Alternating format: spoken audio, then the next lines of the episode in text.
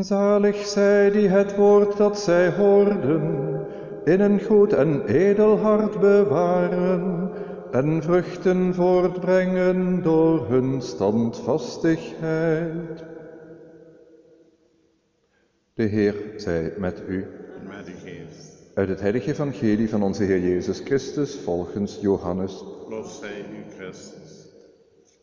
In die tijd zei Jezus tot de Joden, voorwaar, voorwaar, ik zeg u, als iemand mijn woord onderhoudt, zal hij in eeuwigheid de dood niet zien.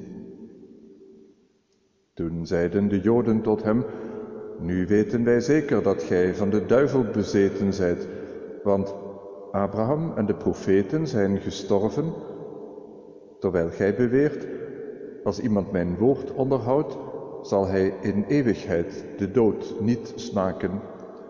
Zijt gij soms groter dan onze vader Abraham, die wel gestorven is? Zelfs de profeten zijn gestorven. Voor wie houdt gij uzelf wel? Jezus antwoordde, als ik mijzelf verheerlijk, dan is mijn glorie niets. Maar mijn Vader is het die mij verheerlijkt, van wie gij zegt, Hij is onze God. Toch kent gij Hem niet. Ik daarentegen ken Hem. En als ik zou zeggen dat ik Hem niet ken, zou ik aan u gelijk zijn, een leugenaar. Maar ik ken Hem en onderhoud Zijn woord. Abraham, uw vader, juichte van vreugde bij de gedachte dat hij mijn dag zou zien. Hij heeft hem gezien en zich verheugd. Toen zeiden de Joden tot hem, Gij zijt nog geen vijftig jaar en gij hebt Abraham gezien? Jezus antwoordde hun, Voorwaar, voorwaar, ik zeg u, voor Abraham werd, ben ik. Toen raapten zij stenen op om hem te stenigen. Maar Jezus trok zich terug en verliet de tempel. Zo spreekt de Heer. Wij danken God.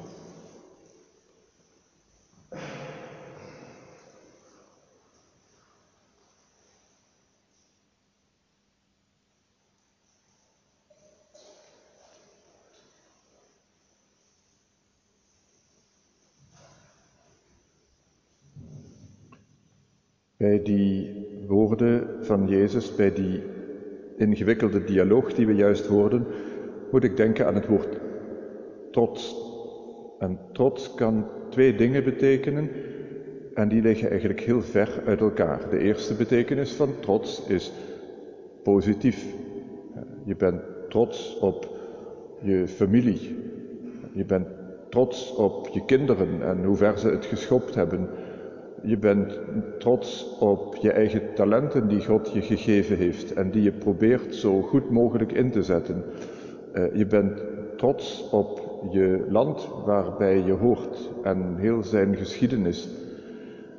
Ik denk graag terug aan de reizen met onze jongere groep heel wat jaren geleden. We zijn een paar keer in Polen geweest en ik zie nog voor me hoe we daar allerlei rondleidingen kregen en hoe zo'n Poolse mensen blonken van trots over de geschiedenis van hun land en over de helden die dat Poolse volk heeft voortgebracht. Ja, wij Nederlanders, we zijn een beetje een nuchter volkje. Die nationale trots, die kennen wij wat minder. Maar goed, dat is de eerste, de positieve betekenis van trots. En tegelijkertijd heeft dat woord trots ook een heel negatieve betekenis. Namelijk, eh, je kunt de ander trotseren. Je kunt te trots zijn om je iets te laten zeggen, om een correctie van de ander te willen aannemen.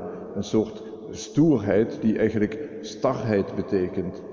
En, en helaas, in de dialoog tussen Jezus en de Fariseeën heeft die negatieve trots de overhand. En telkens gaat het weer over de persoon van Abraham. Ze zijn daar trots op, dat is hun aartsvader, vader van het geloof. Gisteren nog, die stekelige opmerking, wij zijn niet uit ontucht geboren, we hebben één vader en dat is Abraham. En vandaag dan opnieuw, als Jezus spreekt over het geloof van Abraham, dan bespotten zij hem. Je bent nog niet eens 50 jaar. Heb jij Abraham gezien? Wat kun jij over Abraham weten? Trots, bedweterij, beterweterij. Voor zoveel mensen is er reden om 40 dagen vasten te houden, 40 dagen van bezinning en van inkeer. Waar is er die verkeerde trots in mijn hart?